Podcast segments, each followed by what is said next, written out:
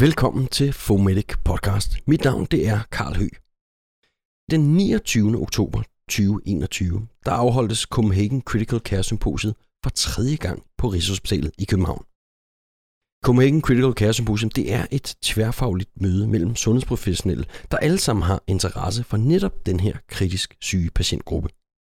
Symposiet det blev afholdt første gang i april i 2018, og så anden gang i maj 2019. Det var med deltagere fra Danmark og fra Sverige og Norge, som alle sammen oplevede spændende, varierede og opdaterede indlæg fra engagerede danske og internationale foredragsholdere. Så vi måtte springe 2020 over, eller i hvert fald udskyde her til 2021. Og her i 2021, der var Fomedic igen i år inviteret med til både at have et oplæg på scenen, men også til at koge talernes budskaber ned til en lille bouillonterning i form af en podcast efterfølgende. Fordi vi optog nemlig de enkelte taler lige efter de har været op på scenen, og vi optog det rent faktisk lige ved siden af scenen.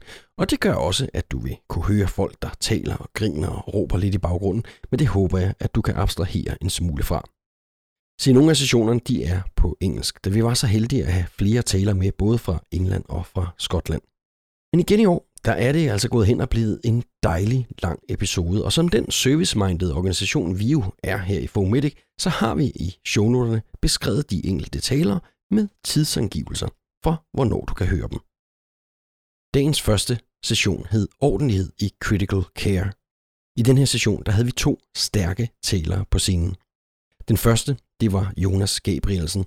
Jonas han er lektor i retorik på Roskilde Universitet, og han satte barn virkelig højt resten af dagens taler med en helt aldeles fremragende præsentation. Hans præsentation den handlede om, hvordan man bruger sin tale aktivt i de mange forskellige relationer, vi jo har til dagligt. Han hævde et par modige deltagere op på scenen, hvor han lærte både dem og resten af salen om, hvordan man indtager et rum eller et møde eller en stor scene som den her i auditoriet, når man skal holde en tale eller en præsentation. Velkommen til Fomedic Podcast. Rigtig god fornøjelse med første session.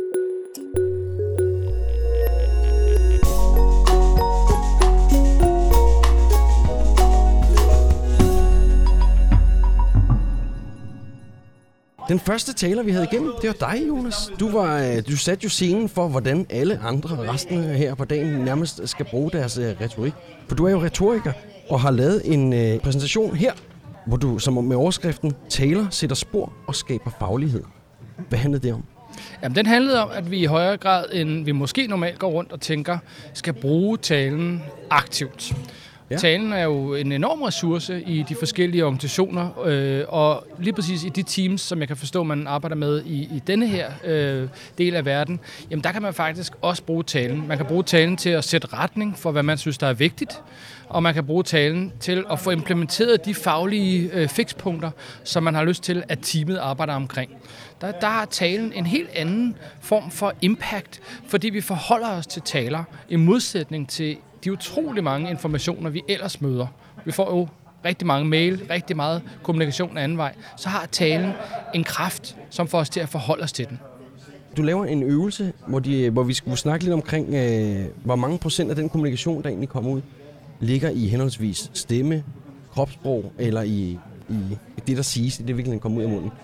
Det er jo egentlig ret interessant. Nu er vi jo et podcast-medie her, Øh, og øh, det var interessant at se, at i virkeligheden 55 procent af det, vi egentlig hører eller opfanger, det er kropsproget. Det får vi jo ikke med i sådan en tale her.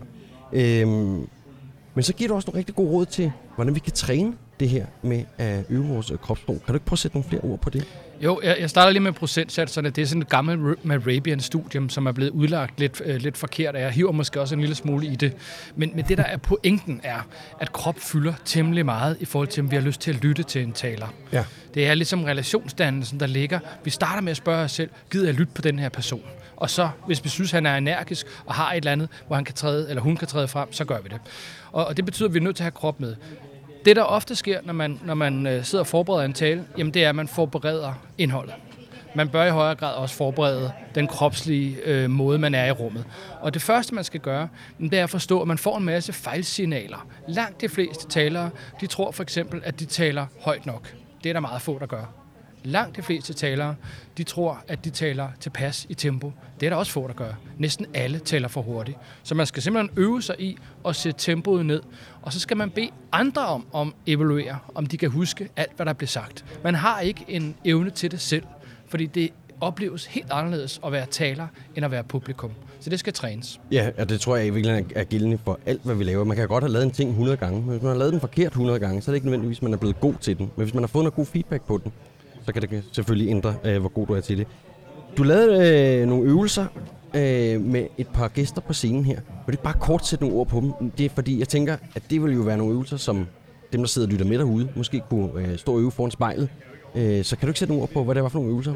Jo, de fleste, der går ind i et rum, de har en, øh, et ubehag, som de oplever, når de står foran et stort publikum. Det tror jeg egentlig gælder øh, næsten alle mennesker. Det kan trænes væk, men det er intuitivt, at man ikke synes, det er specielt rart. Og det betyder, at man kommer til at tale for hurtigt. Fordi lige så man hælder ord på, så er man lidt mere på hjemmebane. Så er man nede i indholdet. Så har man jo noget, man vil give til sit publikum. Så det, man skal øve sig i, det er at komme ind i rummet, og så holde en pause, og kigge ud over rummet, og så mærke, nu går jeg i gang med min tale. I stedet for, at det er ligesom rummet, der kommer væltende ind over dig, og får dig tvunget til at gå i gang med din tale. Så det er en øvelse, vi faktisk nogle gange kan lave over flere timer, at man simpelthen øver sig i at stå inde i rummet, uden at fylde det med ord.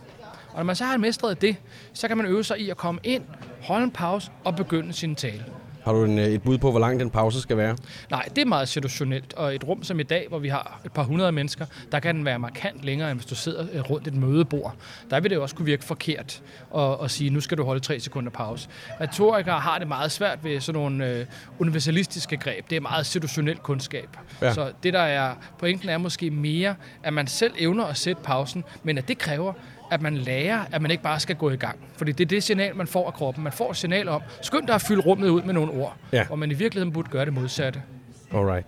Jeg så nævnte du også noget, der hedder metroøvelsen.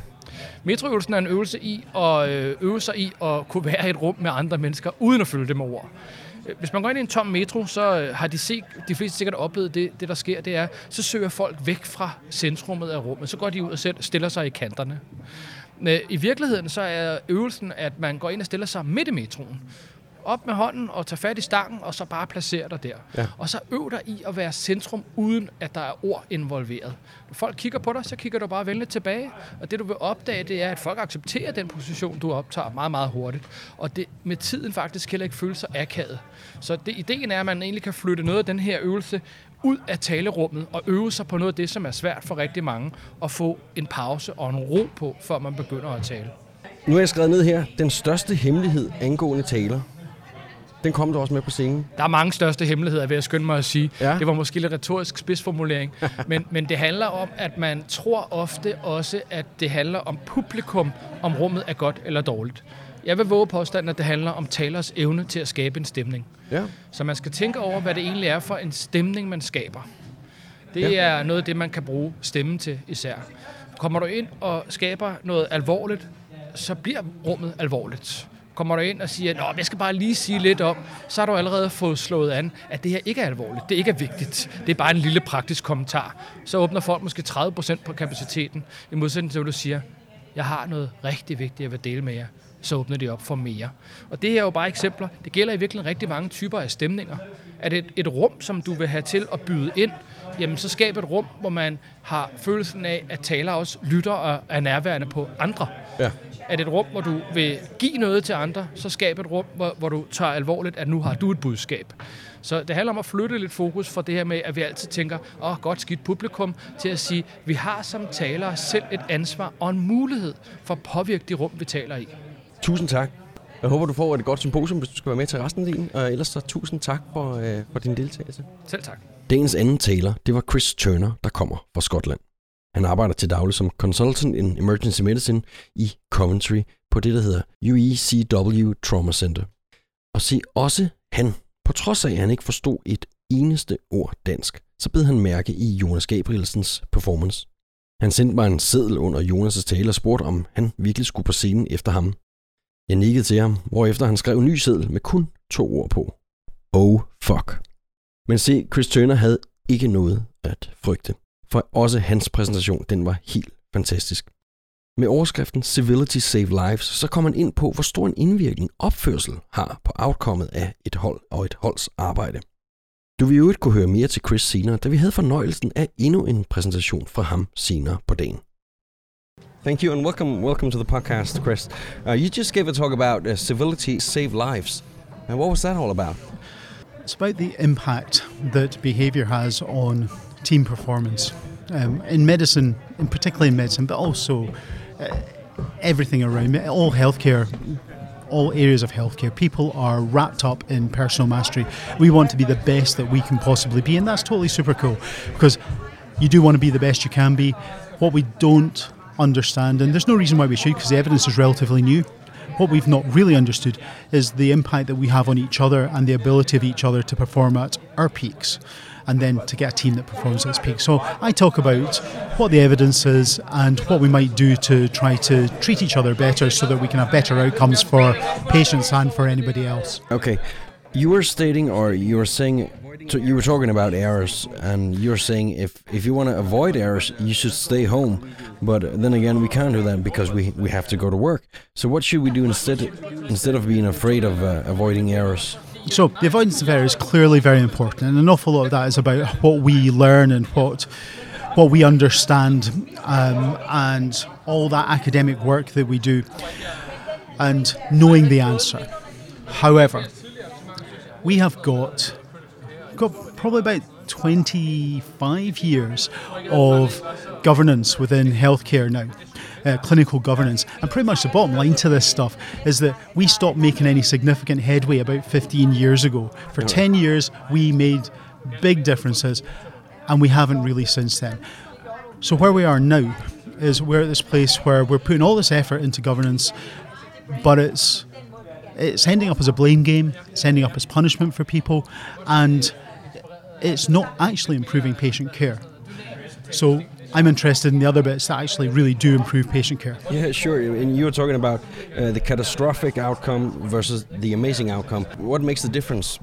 The catastrophic outcome versus the amazing outcome. If we're not talking about an individual doing a central line or something, if what we're talking about here is a team functioning together to attempt to get the best outcome, then what makes a difference? Information sharing the team sharing information with each other, making sure that the people who are doing the task or people who are leading are as aware as possible of what is going on. What we know is that in those horrible cases when the lo- wrong leg got chopped off or the wrong kidney came out, almost every time somebody in that theatre knew. Yeah. But they didn't speak up. And they didn't speak up because they didn't feel permitted to speak up. And they didn't speak up because they were they were intimidated by the environment. That then becomes a leadership responsibility. Who are we to the people around us and how are we going to help them to have a voice in those in those situations where we are dependent upon each other? All right. Do you have like one or two take home points for the listeners out there? Okay. So if we if you're a leader, yeah. It's your job to create an environment where other people feel able to speak. It is not your job to stand in that environment and to hear your own voice and only your voice. If that's going on, you've either got the wrong people around you or you're being the wrong person yourself. But you also have a responsibility as a team member. You do. The difficult thing about this is the person who controls that much, the, much more than the others is the team leader. Team leader sets tone. Team leader gives permission to the folk in the team to speak up and to let them know if there's going to be a problem. As a team member, you can feel the responsibility for that, but there are some leaders who are so hostile and so scary that you can't raise your voice. I mean, you can take that on as a personal failing. Yeah. It's really not. All right. Well, anything else you'd like to share here? Um, okay, something a wee bit, wee bit different. All right but it's about well-being. All right. Um, so I'm on the National Steering Group for Health and Wellbeing for the NHS in England, and one of the things I found out about well-being is this: the single most important person determining how good a day somebody has at work is their immediate line manager. Now that's a pain in the arse because it means that it means that our bosses are determining how good a day we have to a certain extent. However, it's a brilliant opportunity as well because it means that for anybody coming to us, anybody coming to us for our advice, for whom we are their manager, then we're in a position where we can make or break their day. When we're kind and listen to them, they might well have a really good day. If we're dismissive and unpleasant to them, their chances of having a good day are extremely low. So I think there's a lot of power in our hands. So no matter where, where you are in the hierarchy, most people have somebody who comes to them. All right. Thank you very much. Cheers, God.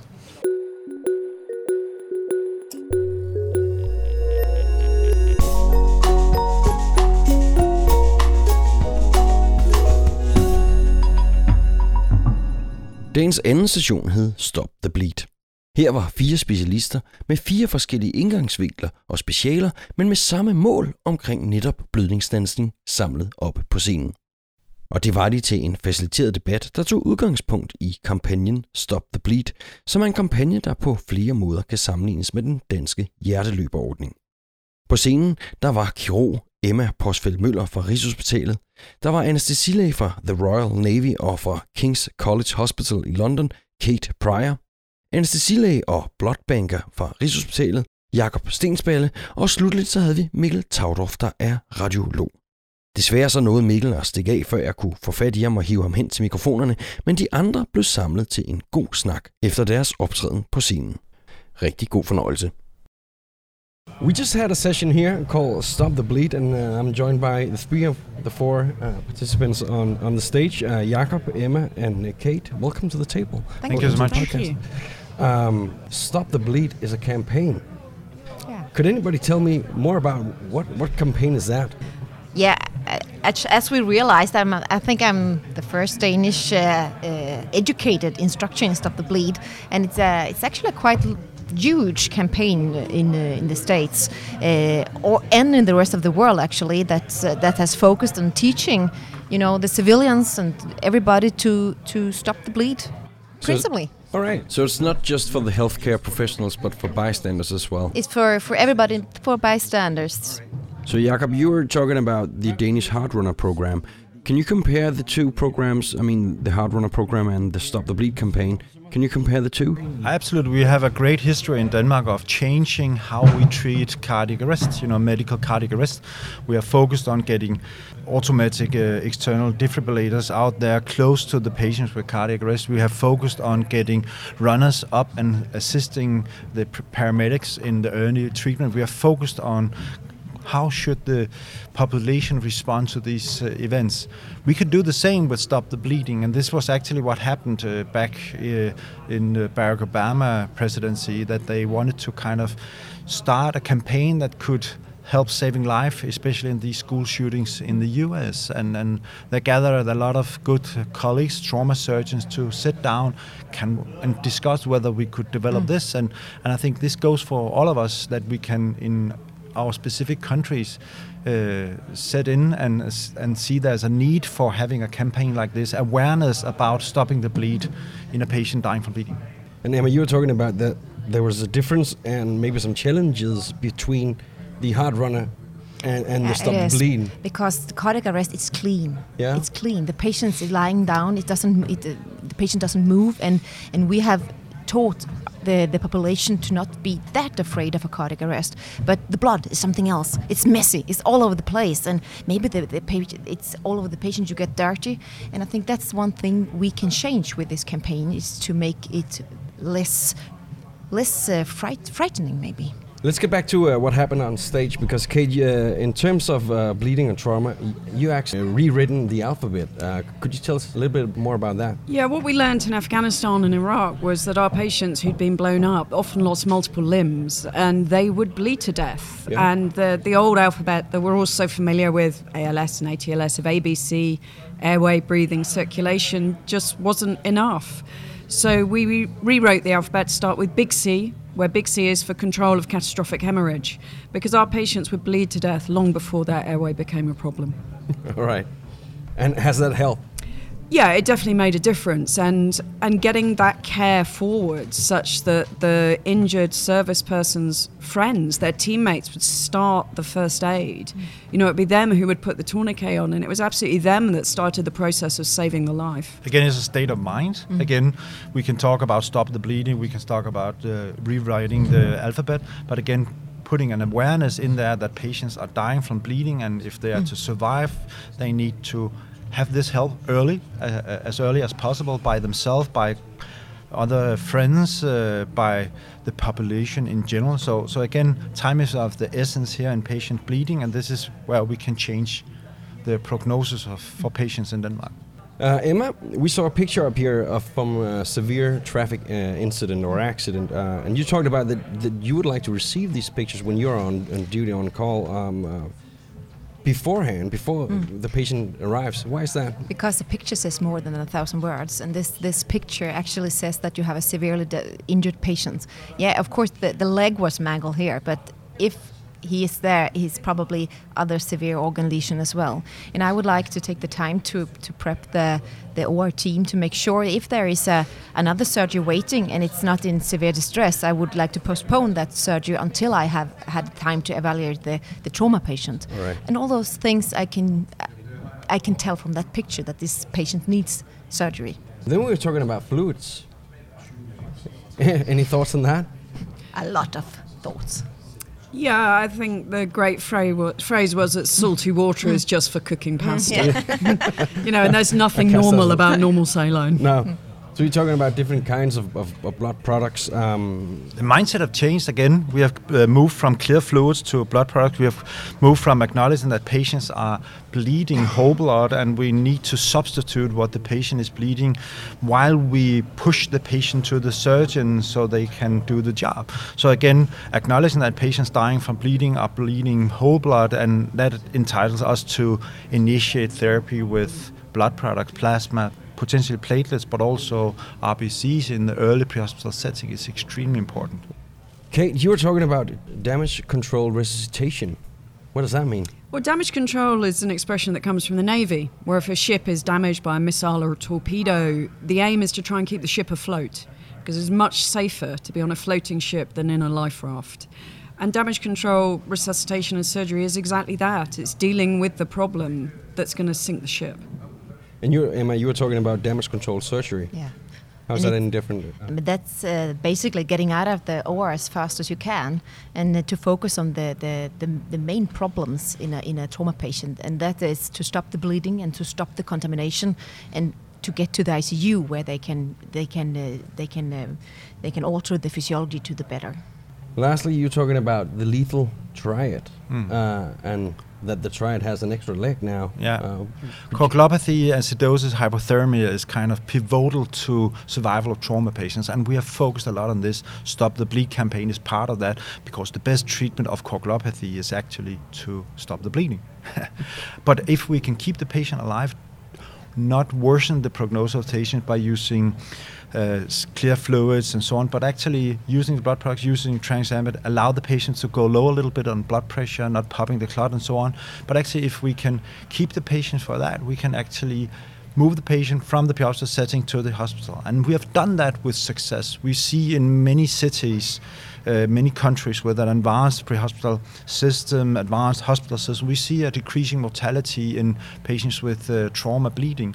Uh, so we are actually now able to push patients normally patients that has an unsurvivable injury in the hospital setting, we can actually push these patients to the in hospital setting, and therefore we get actually and we receive some patients that have new problems. New problems for that is potentially a high potassium, is a very low calcium, and that can actually further worsen the prognosis. So, so, so the light lethal triad has an extra leg now. The focus on some of these electrolytes, the potassium, kalium in Denmark, mm. Danish, and, and especially the, the uh, calcium. Uh, is extremely important having this as part of your resuscitation early pre-hospital, but also early in hospital.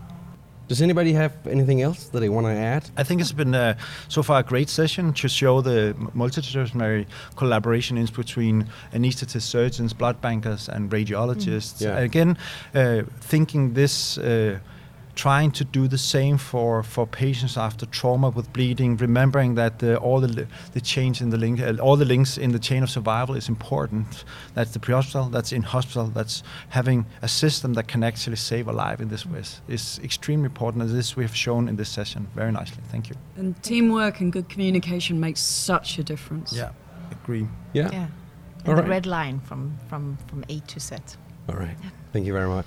Thank you guys for joining me. I uh, hope you have a great symposium. I'm going to be talking to you later again, Oh, KG. are you? You will. Thank you. All right. Goodbye. Goodbye. Bye.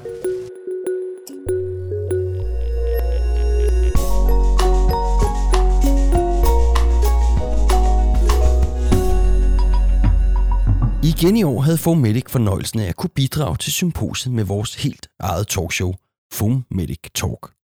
I år var det dog Morten, der havde taget rollen som talkshow-vært, mens jeg kunne få lov til at slappe af nede blandt publikum og nyde forestillingen. Vi havde inviteret psykolog Karina Damsgaard Nørby med en tur i sofaen op på scenen til en snak om det at arbejde i mentale højrisikojobs. Hvad gør det ved os? Hvilke symptomer kan vi støde på, og hvad kan vi egentlig gøre ved det? Derudover så havde vi en special guest med. Om end ikke på scenen, så i hvert fald med på video. Og der skal lyde en kæmpe stor tak til overlæge Christian Andersen fra Rigshospitalet. Nu er vi kommet til det, jeg har glædet mig rigtig, rigtig, rigtig meget til i dag. Det er nemlig, øh, jeg har fået lov til at øh, interviewe Karina Damsgaard Nørby og min rigtig gode ven og kollega Morten Lindqvist. Fordi I har lige lavet et øh, talkshow, Fomedic Talk, og i år er rollerne, rollerne, rollerne er blevet byttet om. Sidste år der var det mig, der lavede talkshow, og dig, der interviewede mig. Og nu har vi byttet om, og det har jeg glædet mig rigtig, rigtig meget til. Så velkommen til jer begge to. Tak skal du have. Øh, men reelt set, så var det jo ikke kun jer to, der var på scenen her. Øh, vi havde en, en gæst med, i hvert fald om ikke på scenen, så var han i hvert fald på skærmen. Morten, vil du ikke starte med at lige præsentere, hvem, øh, hvem vi havde med? Jo, det kan du tro. Øh, med i hele setup'et omkring den her, den her session med Fomedic Talk, der var øh, en af vores kære kollegaer, der hedder Christian Andersen, som er overlæge i anestesi og ansat her på Rigshospitalet øh, nede i Traumacenteret. Og Christian havde mig med, fordi han var ligesom den bærende historie i, i det, som vi skulle fortælle i vores talkshow, nemlig det at, at have, prøve at normalisere den her samtale om at arbejde med mentale højskolejobs. Fordi Christian selv har været ramt af sygdom i forbindelse med, at han har været for belastet. Så, så Christian var ligesom sådan en figur, der gik igennem hele vores, øh, vores talkshow med en historie i starten, og så svar på spørgsmål løbende undervejs. Jamen, du har allerede her taget hul på, hvad egentlig emnet var for den her, øh, den her session, I lavede. Vil du ikke prøve, hvad var overskriften, Karina? overskriften her, det var jo, øh, hvad vil det sige at have et mentalt højrisikojob? Mm.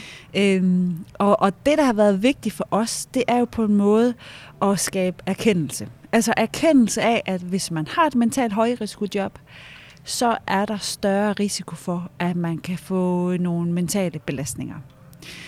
Og hvis ikke vi taler om det, jamen så kan vi ikke gøre noget ved det.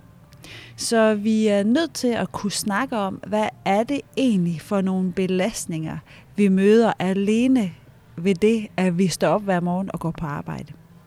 For når vi ved det, så kan vi gøre noget ved det. Ja.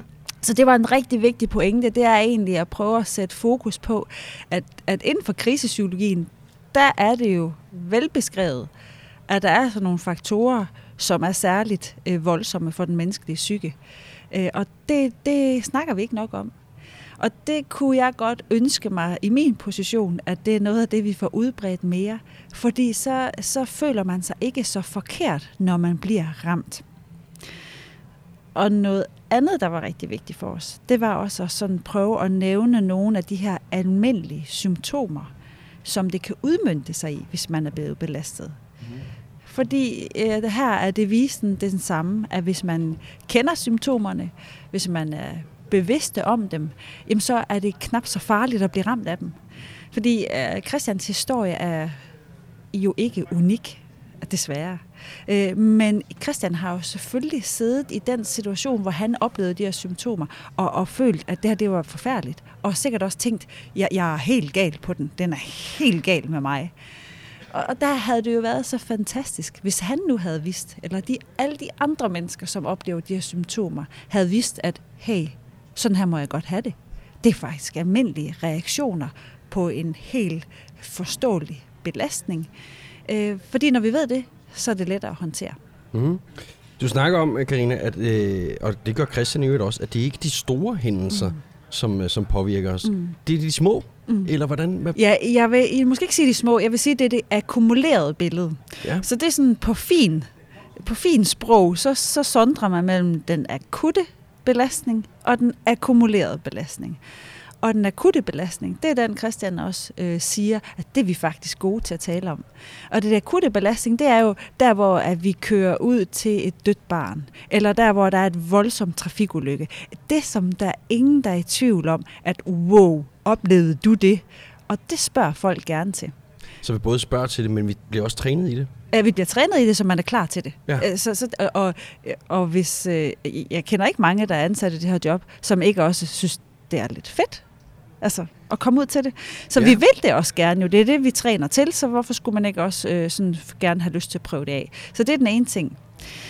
Øhm, og, og når man har været udsat for noget akut, som er voldsomt, så er den efterfølgende opmærksomhed og støtte typisk også tilsvarende. Altså den er også tilstedeværende, den er synlig, og den er til at få øje på. Og ganske anderledes, der forholder det sig med det akkumulerede. Det der er akkumuleret, som kommer snigende ind på os, det er de små ting i hverdagen. Det er den her oplevelse af, at der er øh, at nu bliver corona ved og ved og ved, eller, og når ikke det er corona, jamen, så, er det, så kommer så influenza, og det bliver, altså det der med ting, der bliver ved og ved og ved, og vi kan ikke rigtig se en ende på det. Det er noget af det, der belaster. Noget andet, der belaster, det er jo det her med at se, øhm, ikke nødvendigvis det, det akutte, men det der med den, den gradvise øh, belastning af at møde mennesker, som har det svært. Øhm, den, den konstante mediebevågenhed i forhold til, om det man gør, om det nu er godt nok. Øh, bevidstheden om, at i mit job skal jeg helst ikke lave fejl, og hvis jeg gør, så bliver det dokumenteret.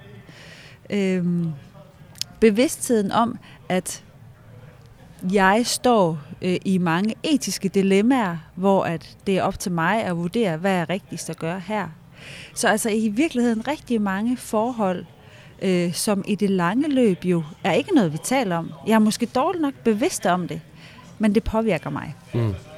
Og det skal vi være, det, skal, det er på en måde det, vi skal vide. Morten, altså, jeg vil også bare lige vende det her med dig. Det der med de store hændelser, det er det, vi træner i, det er det, vi snakker om osv. Er det også noget, du oplever i din hverdag? Jamen helt sikkert. Altså, vi, vi har et system, som der ved, at det skal være opmærksom på vores kollegaer og vores, vores medarbejdere i organisationer. Så derfor, så når der sker store ting, så har organisationen en plan for, at den skal gøre noget. Fordi det er også det, som medierne, det er det, som politikerne, det er det, som vi alle sammen forventer. Du kan da ikke tage ud til noget, der er alvorligt, uden der er nogen, der hjælper dig med det bagefter. Øhm, faktum er jo bare nok bare, at, at der er nok længere mellem de store og alvorlige ting, vi ser, der skal debriefes, end der er mellem dem, som vi ser hver dag hele tiden.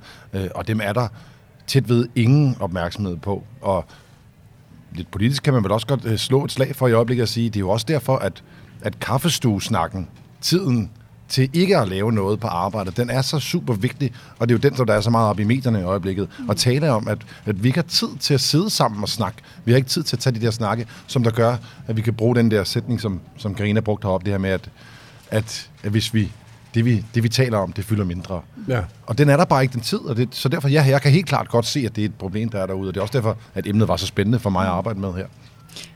Ja. Hvis jeg må lige kommentere. Det må du i hvert fald. Øh, g- en anden, noget andet, der er vigtigt i forhold til at sætte fokus på det her, det er jo, at, at hvis jeg går og kan mærke, at jeg er faktisk ved at bygge noget stress op, og jeg er belastet, og jeg, hvis der kommer et mere opkald af en eller anden karakter, så, så, så, så, så knækker jeg. Det tør jeg ikke sige højt, hvis jeg sidder ved siden af en kollega, som lige i går var ude til et eller andet, der var voldsomt, fordi nej, så er det jo ham, der skal have det dårligt. Det er jo faktisk ikke mig. Ja. Så det der med, at vi hele tiden går og kigger efter, at er jeg egentlig berettet til at have det dårligt? Jeg har jo ikke oplevet noget, der er voldsomt. Og det er man vel berettet Det, det til. er jo det. Altså det, der, det er jo faktisk det at forstå, at det, det er ikke nødvendigvis, fordi vi skal opleve noget, der er voldsomt. Det er Nej. Mere den der akkumulerede belastning over tid. Den, det, det er det, vi skal have fat på. Vi var også øh, kortvaret inde på, øh, om hvordan man, man kan forebygge øh, noget af alt det her. Og du var jo inde omkring fiskerbænken med Rikke, mm. med Rikke Høsted. Øh, men hvad kan vi gøre? Hvad kan vi gøre for at forebygge akkumuleret stress og belastninger? Jeg tror faktisk bare, det vi gør det her. Altså det her med, at, at på sådan en konference her, som handler om clinical eller critical care, Ja. at vi rent faktisk har det her tema med. Det er jo med til at nedbryde nogle tabuer. Fordi nu får vi et sprog for det. Og det er det, vi skal have. Vi skal have ord for det. Ja. Vi, skal, vi skal kunne øh, vide, at det her det er en helt forventelig øh, belastning i kraft af, at jobbet det har den karakter, det har. Det, det er faktisk det første. Fordi det øjeblik, vi kan tale om det, jamen, så er vi allerede i gang med at forebygge. For så er det heller ikke hokus pokus længere. Mm. Så er det ikke sådan noget, sådan noget meget mærkeligt noget, der kun rammer de meget øh, øh, sårbare, eller særlige, eller øh, inkompetente typer. Nej, det er faktisk noget, der rammer os alle sammen, fordi vi er mennesker. Og hvis vi ellers fungerer, som vi skal som mennesker, så kan vi næsten ikke undgå andet end at blive, øh, blive ramt og få nogle symptomer. Så, så måden, på vi bliver ramt, og hvor hårdt vi bliver ramt, det afhænger af, hvor gode vi er til at passe på os selv, øh, og hvor gode vi er til at få ventileret øh, og få snakket om de oplevelser, vi har. Du siger også det her med, at Christians historie ikke er unik. Så der går jo formentlig rigtig, rigtig mange mennesker, blandt os, blandt vores kollegaer her, med mange af de samme øh, symptomer, mange af de samme følelser, som, mm. som Christian har haft. Men du kommer med et rigtig, rigtig godt øh, hvad skal man sige, jeg ved ikke, om det, man kan kalde det slogan, men et motto, eller i hvert fald en fortælling, der hedder, at professionalisme er at håndtere mm. dine følelser, mm. og ikke lukke dem ned. Mm. Kan du ikke prøve at uddybe lidt? Jo. Øhm, det handler rigtig meget om, at den her måske lidt forstokkede øhm, antagelse om, at hvis man skal være rigtig professionel, så skal man kunne evne at lukke ned for sine følelser, og ligesom nulstinde sine følelser. Og det, jeg siger, det er, det, det er meget misforstået. For det første, så kan man ikke lukke ned for sine følelser. Vi kan ikke slukke dem. De er der, om vi vil det eller ej. Ja. Men, men øh, Christian er jo også et eksempel på, han sagde selv, jeg prøvede at lukke ned. Jeg prøvede at lægge låg på. Så det er en, det er en strategi, rigtig mange bruger. Det her med, så lukker jeg ned for det. Jeg, jeg, og så håber jeg på, at det bliver bedre i morgen. Ja. Øhm, og det er uhensigtsmæssigt. Fordi det ligger og ulmer, og det gør faktisk, at vi med tiden bliver mindre og mindre øh, kompetente til det, vi egentlig skal. Fordi man skal faktisk bruge ret meget energi på at gå og lægge låg på. Så det vi i stedet for skal, hvis vi vil være ægte professionelle, så handler det i højere grad om at kunne håndtere det. Så vi skal ikke lægge låg på det. Vi skal håndtere det. Vi skal håndtere følelserne. Men for at kunne håndtere følelserne, så er vi også nødt til at være bevidste om, at de er der. Ja. Så, så, det, det er jo sådan et, øh, det er jo ikke, det lyder, det lyder let, men det er ikke nødvendigvis særligt let. Det, det, det forudsætter, at vi har fokus på det. Ja. Så vi skal ikke lukke ned for vores følelser. Vi skal men håndtere vores følelser. Håndtere følelserne. Så det må være, ligesom også være et skud til alle organisationer og så videre, at man i hvert fald begynder at sætte noget fokus på, øh, på det præcis, at skulle håndtere de her følelser præcis. i hverdagen også. Morten, jeg vil lige øh, slutte af øh, med dig, øh, ja. fordi øh, du fik jo lov til at lave øh, tre take-home points, som du ja. har præsenteret for, øh, for, for publikum ned i scenen. Vil du ikke øh, gennemgå dem? Det vil jeg i hvert fald. Det var de tre vigtigste punkter, som Karina og jeg synes, der var at tage ud af, af den her session. Og det første, det handler om, at vi skal have kendskab. Hvis vi ikke har kendskab til det at have et mentalt højskolejob, så kan vi heller ikke reagere på det. Øh, og nu ved vi, når vi har fået kendskab, at det er både den akkumulerede stress, men også de akutte elementer, vi møder undervejs. Så, så det første, det handler om, at vi skal have kendskab til det at arbejde i et mentalt højskolejob, og at der er akkumulerede belastninger. Den anden, det handler om, at vi skal kende symptomerne, fordi hvis vi kan genkende symptomerne, så kan vi også være med til at erkende, at de er der for os selv, men også for vores kolleger. Og den tredje, det handler om, at vi skal skabe sådan en åbenhedskultur, således at hvis vi kan være åbne i samtalen med hinanden, så har vi mulighed for at bruge det her med, at det vi taler om, det fylder mindre. Så vi skal skabe en åbenhedskultur i vores arbejdsplads. Tusind tak, fordi I kom begge to. Og stort tillykke til dig, Morten, med din debut som uh, talkshow-vært. Ja, det, uh, det var jo kun en stand-in i år. Vi må se, om uh, Morten eller, eller undskyld, Martin eller Peter, det bliver dem, der står der næste år. Tak til dig, Karina. Tak for det. Tak til dig, Morten. Tak for Jeg det. håber, I får et dejligt symposium. Tak. Tak skal du have.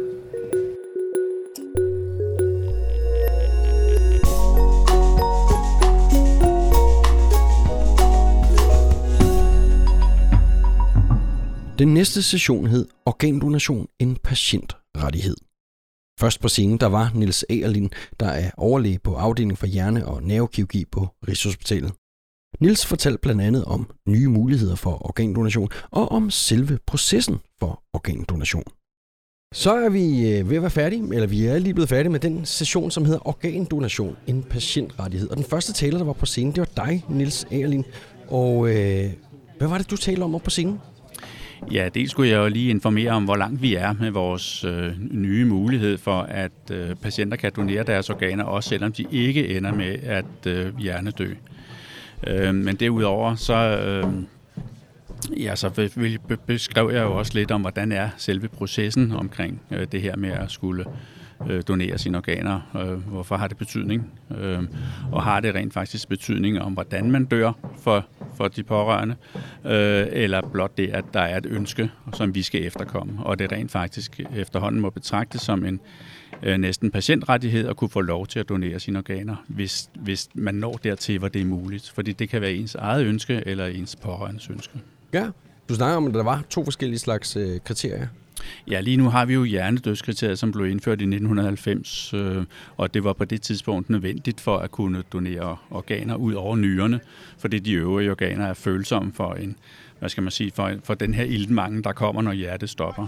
Ja. Øh, og så har vi hjertedødskriteriet, som jo man jo altid har haft øh, lige siden øh, vi kom på, hvad skal man sige, på jorden. Ja. Øhm, men, men det der, er, hvad skal man sige, det der er ændret nu, det er, at man faktisk er øh, fagligt kunne øh, udnytte organerne, også selvom at hjertet holder op med at slå som det første.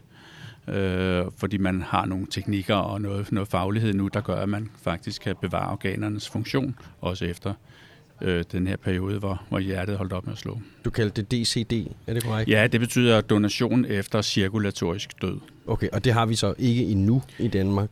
Det, altså man kan sige, at vi har jo aldrig afskaffet det, men det har bare ikke været praksis. men nu, praksis. nu skal vi have procedurerne opdateret, således at vi kan, kan bruge det igen nu her. Og så og bliver det praksis? Så bliver det praksis, formentlig. Ja, hvad tænker du så, at det kommer til at give af ekstra øh, donorer? Fordi jeg kunne se, at du havde også nogle statistikker på, hvor mange øh, Det er rigtig svært. Har. Øh, de lande, der har indført det, det er meget forskellige procentdele, øh, øh, at der, der er af DCD-donorer. Ja. Øh, og vi ved ikke, hvordan det bliver i Danmark, men det bliver måske 10-20 procent ekstra man skal altid passe på med at uh, sætte tal på, før man, man står med, med tingene i hånden, om man så må sige. Øhm, for det, det kan variere så rigtig meget.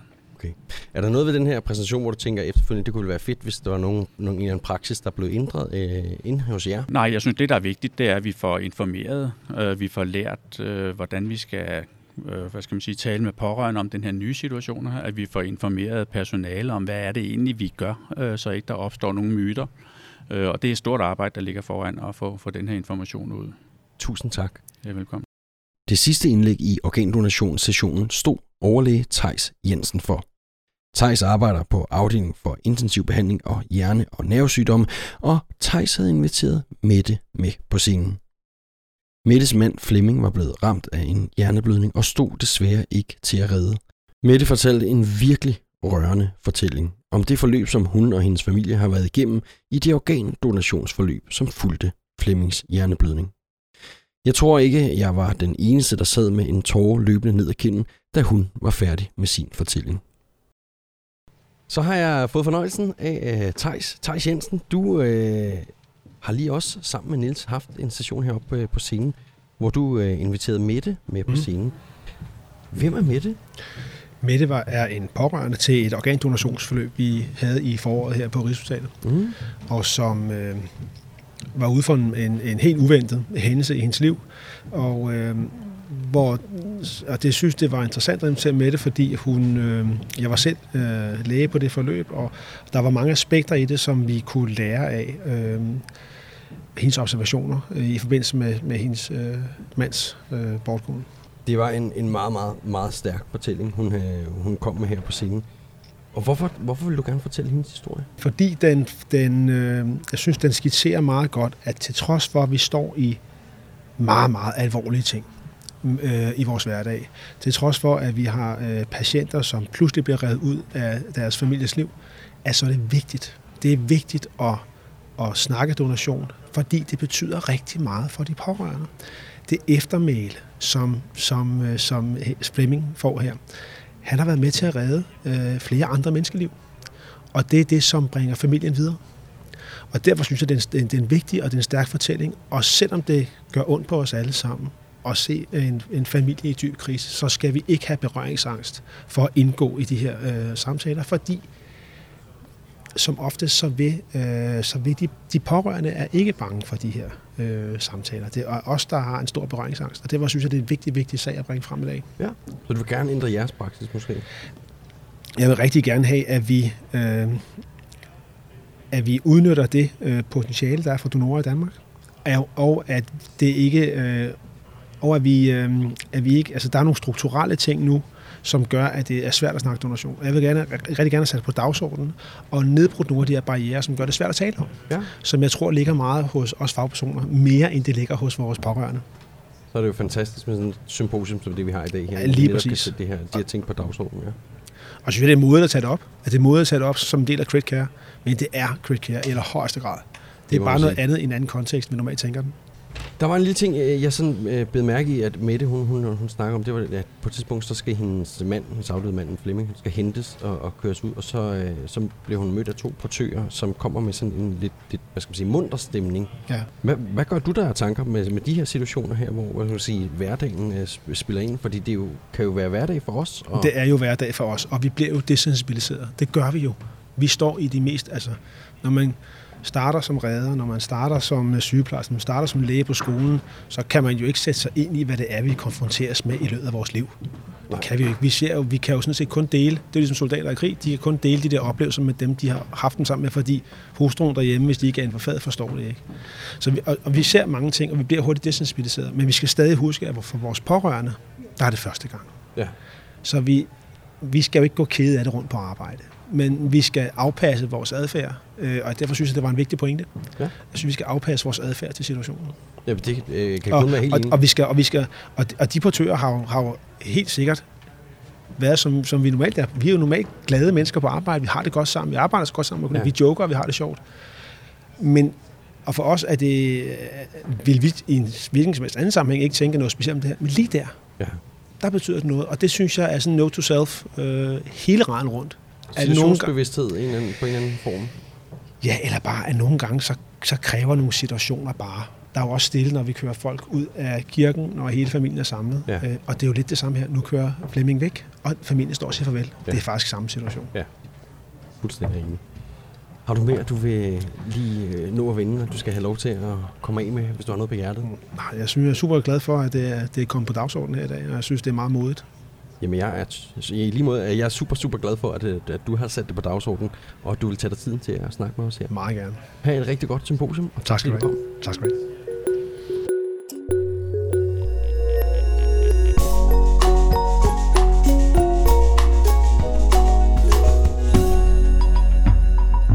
Til at indlede sessionen om Human Factors and System Safety, der havde vi fornøjelsen af Pernille Sidergren. Hun er anestesiolog og afsnitsansvarlig overlæge på opvågning og dagkirurgisk afdeling på Herlev Hospital. Hendes talk den handlede om at finde guldet i hverdagen, og om at få det rigtige ud af det, vi allerede gør godt. Så har vi lige netop gennemført den session, der hed Human Factors and System Safety, og den første taler på, øh, på scenen, det var dig, Pernille Sidergren, og du havde en session, der hed Guld i hverdagen. Hvad betyder det? Jamen det er fordi, jeg har blevet meget optaget af igennem faktisk en del år, hvad betyder hverdagen egentlig, øh, og hvad, hvor er det, vi kan finde guldkorn i vores organisation. Øh, det er jo ret tydeligt for os alle sammen, tænker jeg, at vi får ikke øh, mere og mere tid og flere og flere ressourcer, så for mig er det ekstremt vigtigt, at vi får det rigtige ud af det, vi allerede gør.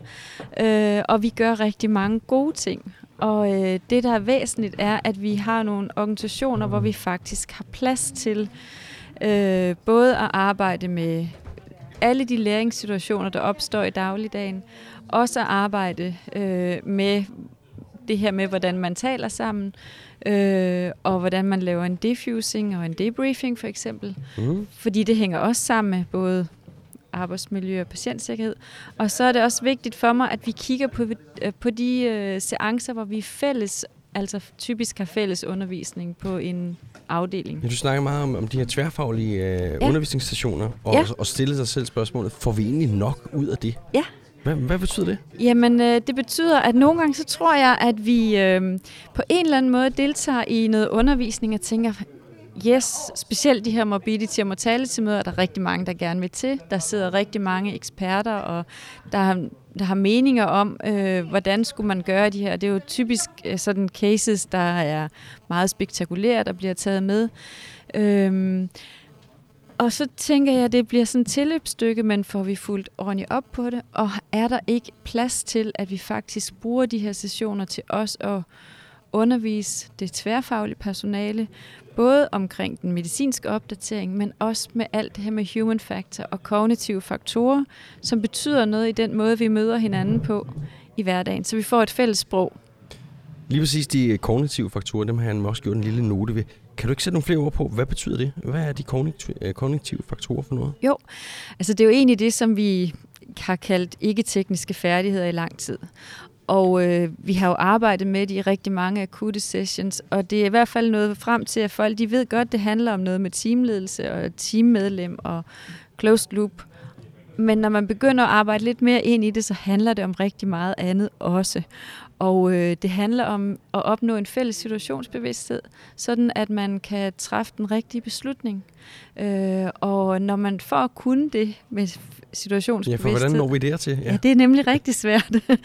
øhm, fordi der er rigtig mange faktorer, der indlejres i det. Det er noget med, hvor får man informationerne fra? Hvor god er man til at tænke fremad, forudse, hvad der kan ske, men også udvise selvindsigt. Og selvindsigt handler jo rigtig meget om, øh, hvad foregår der ind i min hjerne, når der sker en hel masse ting. Og der er altså nogle cognitive bias, altså nogle ting, som vi skal til at lære om i sundhedsvæsenet, når man er i en teamsamarbejde, men også når man skal træffe beslutninger. Alright. Det kan godt være, du har svaret på det, men, mm. men jeg, jeg nu spørger jeg lige, for nu har jeg skrevet det her ned. Mm. Fordi du, det, du sagde heroppe på scenen, eller noget af det, du sagde på scenen, det var, at arbejdsmiljø og patientsikkerhed, det hænger sammen. Ja. Hvordan det? Det er min... Øh, ja, jeg ved ikke, det er sådan helt grundstenen i, hvordan jeg faktisk ser, og nu er det også evidensbaseret, ja. øh, hvis der er nogen, der spørger om det. For at have et godt arbejdsmiljø, så kræver det jo, at man har det, der hedder psykologisk tryghed. Øh, og, øh, og når man har det, øh, så tør man sige til hinanden, for eksempel hvis du kan se, at jeg er ved at lave en fejl, Øh, Øh, hvis vi har en god relation, og du ved, at normalt så er jeg et ordentligt menneske, øh, så vil du også gerne hjælpe mig. Hvis jeg nu lige har skældt dig ud, så har jeg, og det hørte vi fra nogle af de andre oplægsholdere, så øh, har jeg lige nedsat din performance til at opfatte, at jeg er ved at lave en fejl med 20 procent, så får jeg i hvert fald ingen hjælp øh, overhovedet. Øh, og det vil sige, at det her, der sker i vores hjerner og i vores øh, relationer, det har faktisk betydning for vores patientsikkerhed. For ikke med, at vi to kan få et godt eller et dårligt arbejdsmiljø, afhængig af, hvordan vi behandler hinanden. Men det nedsætter jo vores performance over for patienten, hvis vi faktisk ikke respekterer det faktum. Og det tror jeg, at vores organisationer skal til at også arbejde med. Jamen, det er hermed givet videre til vores organisationer. Tusind tak, fordi du kom forbi podcasten. Det var min glæde. Ja, det tak. Godt. Hej igen. Endnu en gang, der havde vi Kate Pryor på scenen, og denne gang var det med en præsentation, som hun kaldte Can't Save Them All. Death, Demons and Debriefings, hvor hun redegjorde for faktummet af, at vi ikke kan redde alle. Hvad det så giver os af dæmoner og vigtigheden af at debriefe på netop de hændelser. Once again, we have Kate Pryor at the table. Welcome back. Thank you. Uh, you just gave a presentation with uh, the, the title Can't Save Them All mm-hmm. Death, Demons, and Debriefing. Yes. What was that about? Well, I think we have to acknowledge that as much as we try to do the very best for our patients and we try to have a positive outcome for all of them, we can't do that. No? We just can't because we can't save them all. Sometimes the patient's injury or illness will be overwhelming, and our patients do die. And you're talking about the, the importance of, of debriefing? Yeah, I think I, th- I was quite late to the concept of, of debriefings being a really positive thing. And it was actually when I first went to Afghanistan that I really started to learn the value of them. I think they're so important to help a team process what's gone on and to make sense of it but also to learn from where we should do things differently next time. But indeed, we can learn from excellence as well. You can root cause analyze excellence just as easily as you can root cause analyze error. Yeah. You're also talking about the barriers, some of the barriers of debriefing. Mm, many of us work in hierarchical organizations, so getting the right person to debrief is, is so essential.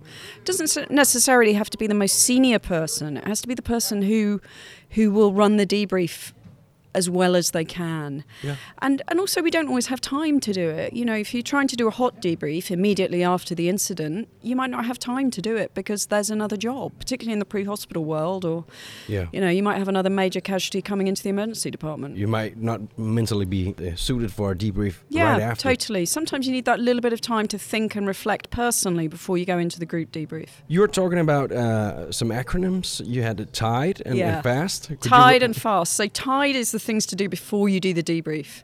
So T is is team check and time. Uh, the I is imbibe. Has everybody had something to eat if they need to, a drink, or indeed have they been to the loo if they're bursting? Uh, and the E is the equipment. You always, always have to be ready for the next job. So replenishing the equipment before doing the debrief is essential. And then the D of tide is the debrief itself. And then the fast is facts and feelings. The A is for analysis. The S for summary, and T is for the take-home messages. You kind of finish your, your your presentation with the importance of being kind. Yeah. Mm. Could you uh, say a little bit more about that? I think if somebody has made a mistake, they will be being so hard on themselves. They will be being far harder on themselves than anybody else can be. You know, they will be beating themselves up and they'll relive that error over and over. And I think when you go into a debrief, when something has gone wrong, it's so tempting to say, well, I wouldn't have done it like that. I'd have done it like this. And it's just not helpful. And then remembering the importance of being kind is so important, but actually not just to the, the person involved, but also to each other and to ourselves. As I said, uh, the presentation was called Death, Demons, and Debriefing. Uh, so, lastly, the, the demons of yours.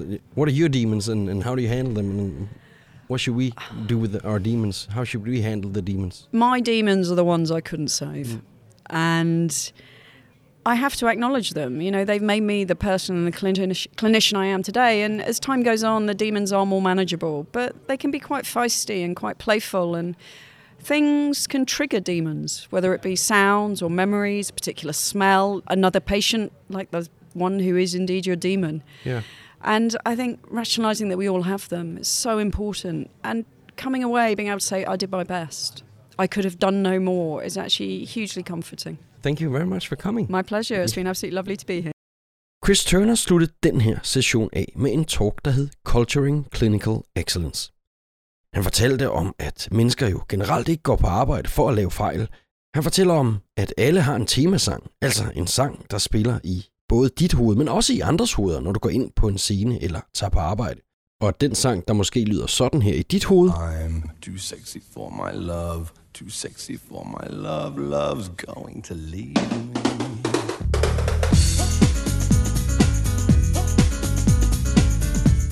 i andres hoveder måske mere lyder sådan her.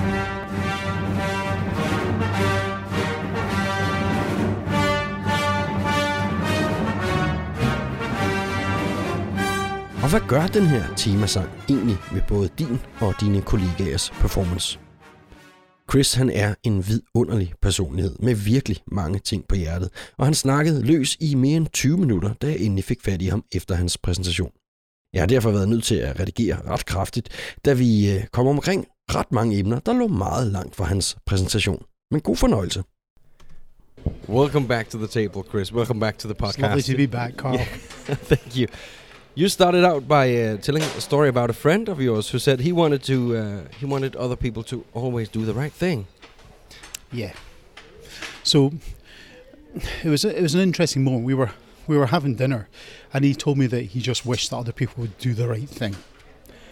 And you know when you're in a conversation with somebody, and the ball goes from one side of the court to the other, and the ball occasionally comes to, towards you, and it's no longer a tennis ball; it's like a beach ball. You cannot miss this.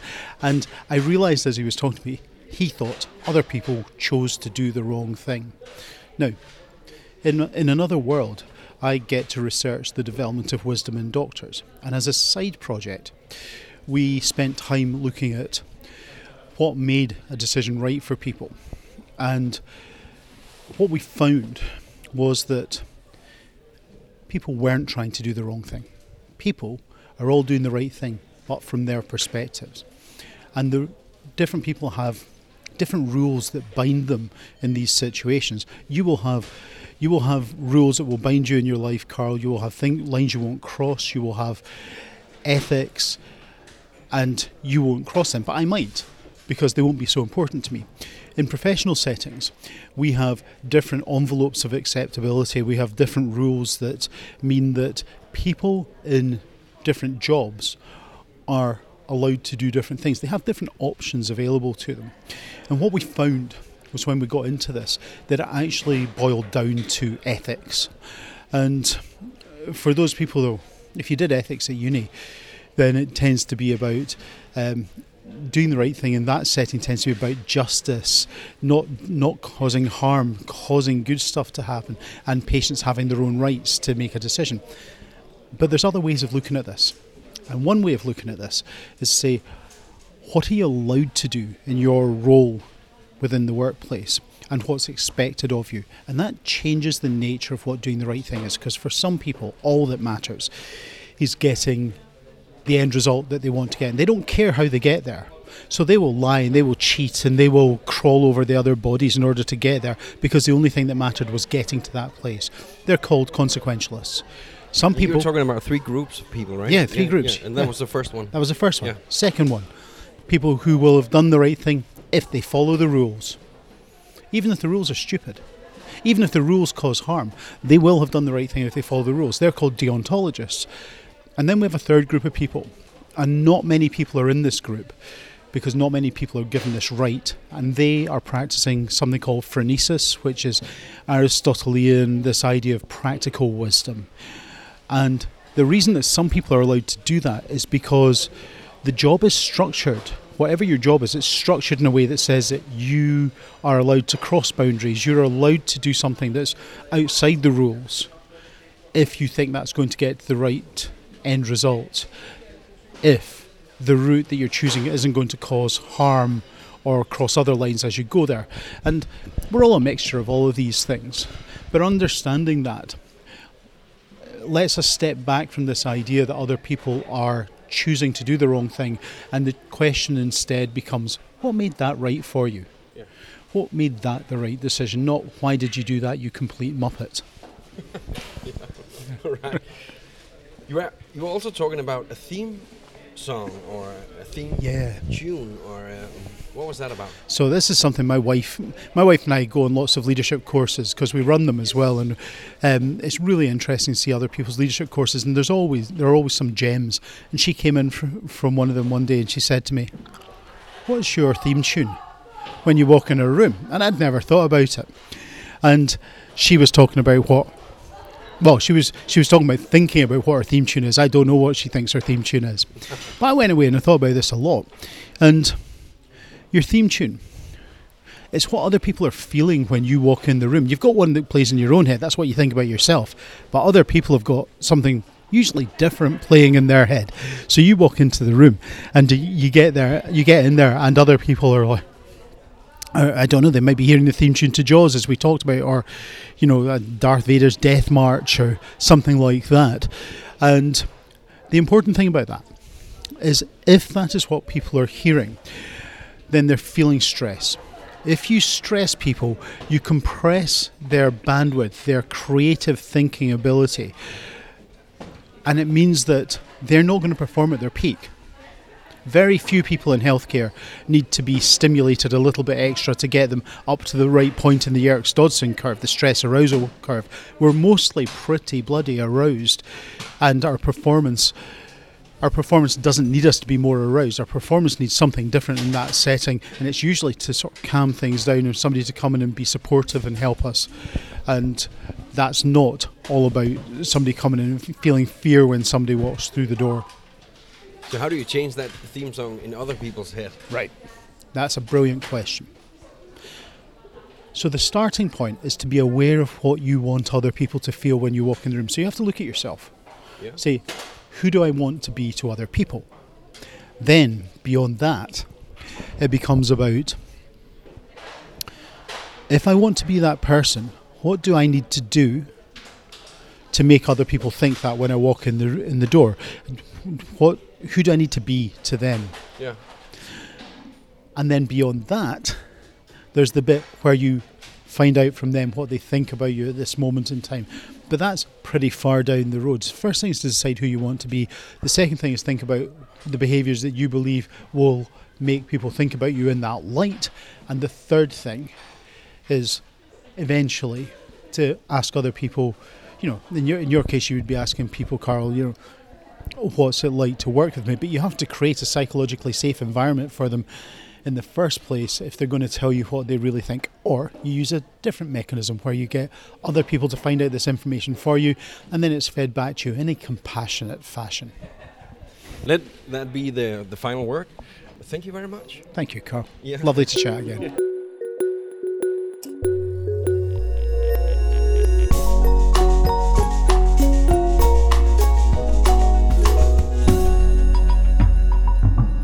Vi er næsten ved vejs ende på dette års symposium.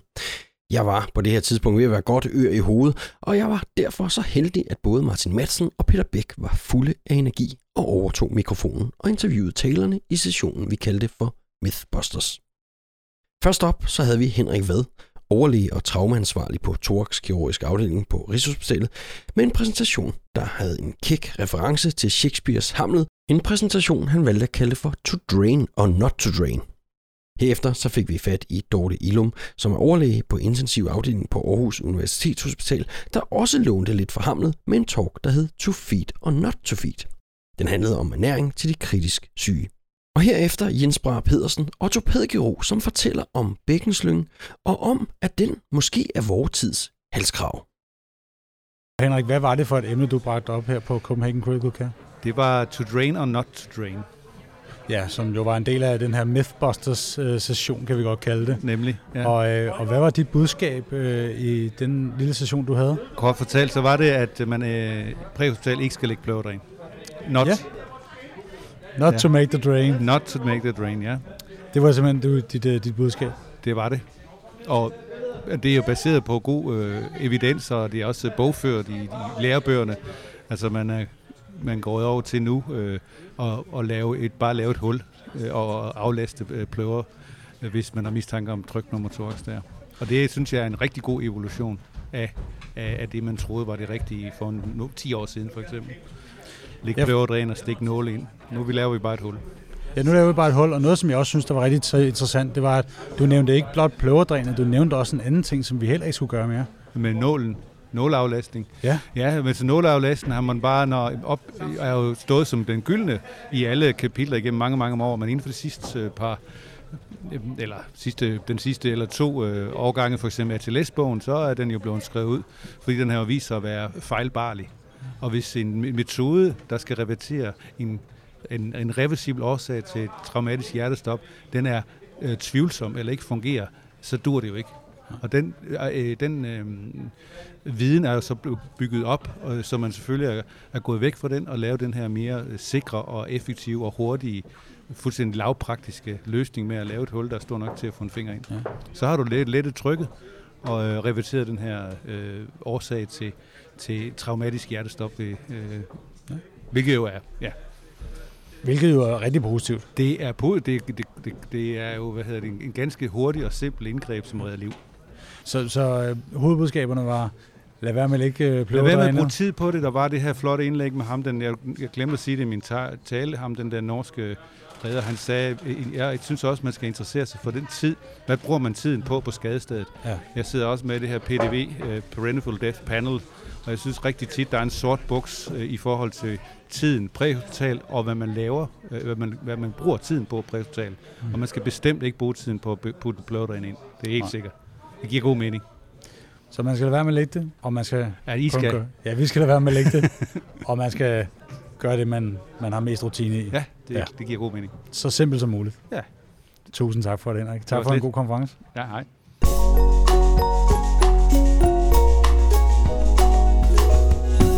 Og Dorte, du har været her på Copenhagen Critical Care, og hvad er det, du har talt om i dag?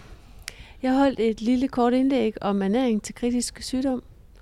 Og mit øh, hovedbudskab, det var, at øh, vi skal designe ernæringen specielt til den enkelte patient, og den situation, han er i i hans sygdomsforløb. Øh, vi skal undgå øh, overernæring til vores patienter. Vi skal time ernæringen til den rigtige tid og den rigtige mængde. Ja, fordi det, det var jo også noget af det, som, øh, som, øh, som vi hørte, du snakke om derinde. Og du snakkede noget om, øh, om øh, refeeding-syndrom. Kan du ikke nævne det mere? Hvad, hvad, hvad tænker du, når du nævner det? Ja. Refeeding-syndrom er noget, man ser hos alle mennesker. Øh, det blev opdaget efter 2. verdenskrig, der ikke har fået ernæring i længere tid, og som lige pludselig så får tilført kulhydrater specielt, hvor metabolismen går fuldstændig bananas.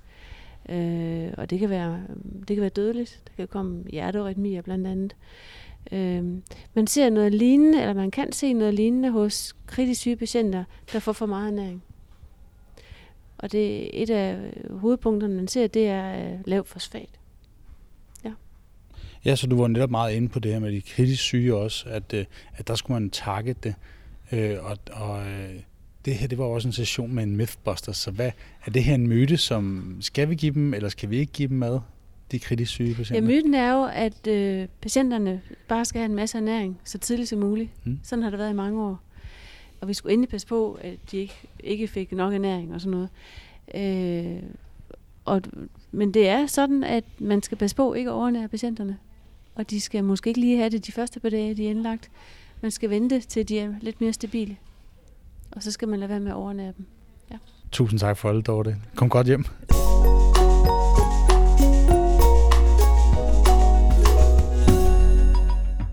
Hej Jens, du har lige været med i oplægget om Mythbusters. Hvad var så din myte, du godt kunne tænke dig at bede eller afkræfte? Jamen, øh, jeg kunne godt tænke mig at øh, springe lige midt imellem og beafkræfte, at øh, Bækkenslynger, de er utrolig simple at bruge, og de er nemme at anlægge, så derfor så er det et godt værktøj. Men evidensen for at bruge dem, den, øh, at, den, er, øh, den, er, øh, den er mangelfuld. I dit oplæg nævner du, at der er flere forskellige slags øh, bækkenfrakturer. Øh, kan du komme lidt ind på, øh, hvilken typer, og hvad for nogle af dem, der er farlige, hvad for nogle, vi skal være opmærksom på? Ja, altså øh, hvis man øh, holder sig til øh, den mekaniske stabilitet, så, øh, så er det rigtig vigtigt at, at, at, at være klar over, at de ledbånd, der sidder forrest på bækkenet, er knap så farlige, øh, som hvis man brister dem, der sidder bag til i bækkenet, fordi det er der, de store blodkar og de store brudflader sidder. Så øh, det er, hvis man øh, snakker om øh, den klassiske open book fraktur, det er den, der er farlig, ikke også? Men der er også nogle af de her, der hedder lateral compression, som er de mere hyppige bækkenfrakturer, hvor bækkenet simpelthen bliver øh, forskubbet i de store ledbånd og, og bliver mekanisk ustabilt. Det er dem, der er farlige. Hvad, hvad, hvad bløder mest for sådan et bækkenfraktur? Hvad, hvad er det, der bløder? Hvad er det, der er farligt ved dem?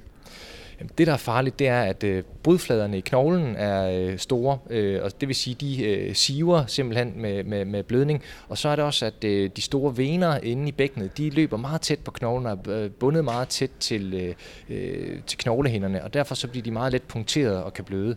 Og så er der cirka øh, 10% af øh, blødningerne i bækkenet, der er der simpelthen hul på arterierne, og de kan bløde meget hurtigt, og det er derfor, dem kan man også øh, dø af hurtigt, hvis ikke, øh, der bliver, hvis ikke man kommer til en kirurg. Du snakker noget om, at evidensen den ikke var så stor for de her bækkensunger. Er, er vi gode til at lægge den, og hvad gør vi forkert, hvis vi gør noget forkert? Jeg tror, man skal se det i lyset af, at øh, der, hvor bækkenslyngen har sin største berettigelse, det er jo i virkeligheden præhospitalt, fordi det er der, hvor man kan vinde øh, lang tid for patienten, at han kan have få brudet trukket på plads, og så blive transporteret ind til, til hjælp og blive øh, færdigbehandlet. Så hvis man står ude en mørk novembernat, øh, det er mudret, og det er i grøften, ikke også, og patienten er stor og tyk, så er det svært at finde de der landmarks, øh, altså, øh, som er øh, øh, det, der hedder trokantermejer eller, eller hoftebenet øh, på, på hoften. Det kan være svært at finde det, og det kan jo gøre, at det er svært at, at, at, at få lagt den korrekt. Men så det er rigtigt, som du siger, at, at der er flere opgørelser, der har vist, at øh, op mod 40 procent af de bækkenslynger, der bliver lagt, de, de, de, de er ikke korrekt anlagt.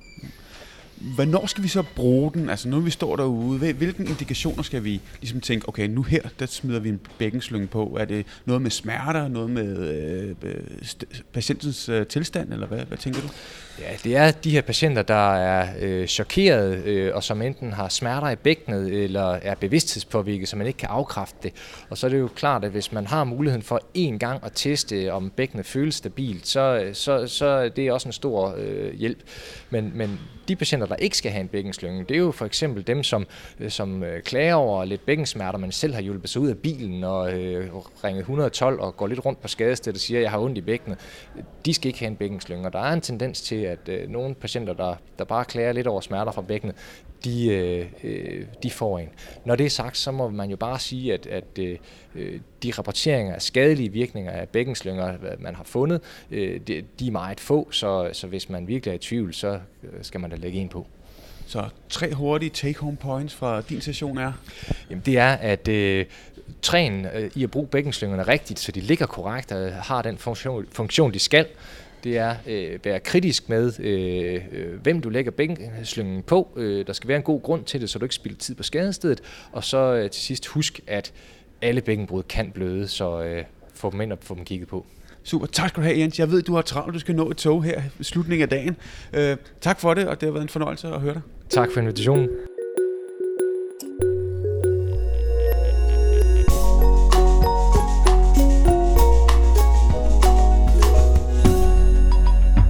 Det var en helt igennem fantastisk dag, fyldt med mennesker, der virkelig brænder for hver deres speciale, men alle sammen med et fælles mål om at styrke critical care-indsatsen. Vi fra Fomedic vil gerne sige tak for muligheden for at deltage og for at kunne bidrage med for eksempel formidling som her.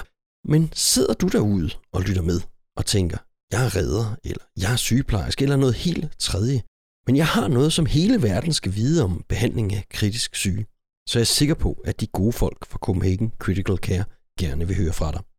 For må ikke med den succes, det har været igen i år, at vi ses en gang igen. Jeg hedder Karl Hø. Det her det er Fomedic Podcast. Vi høres ved.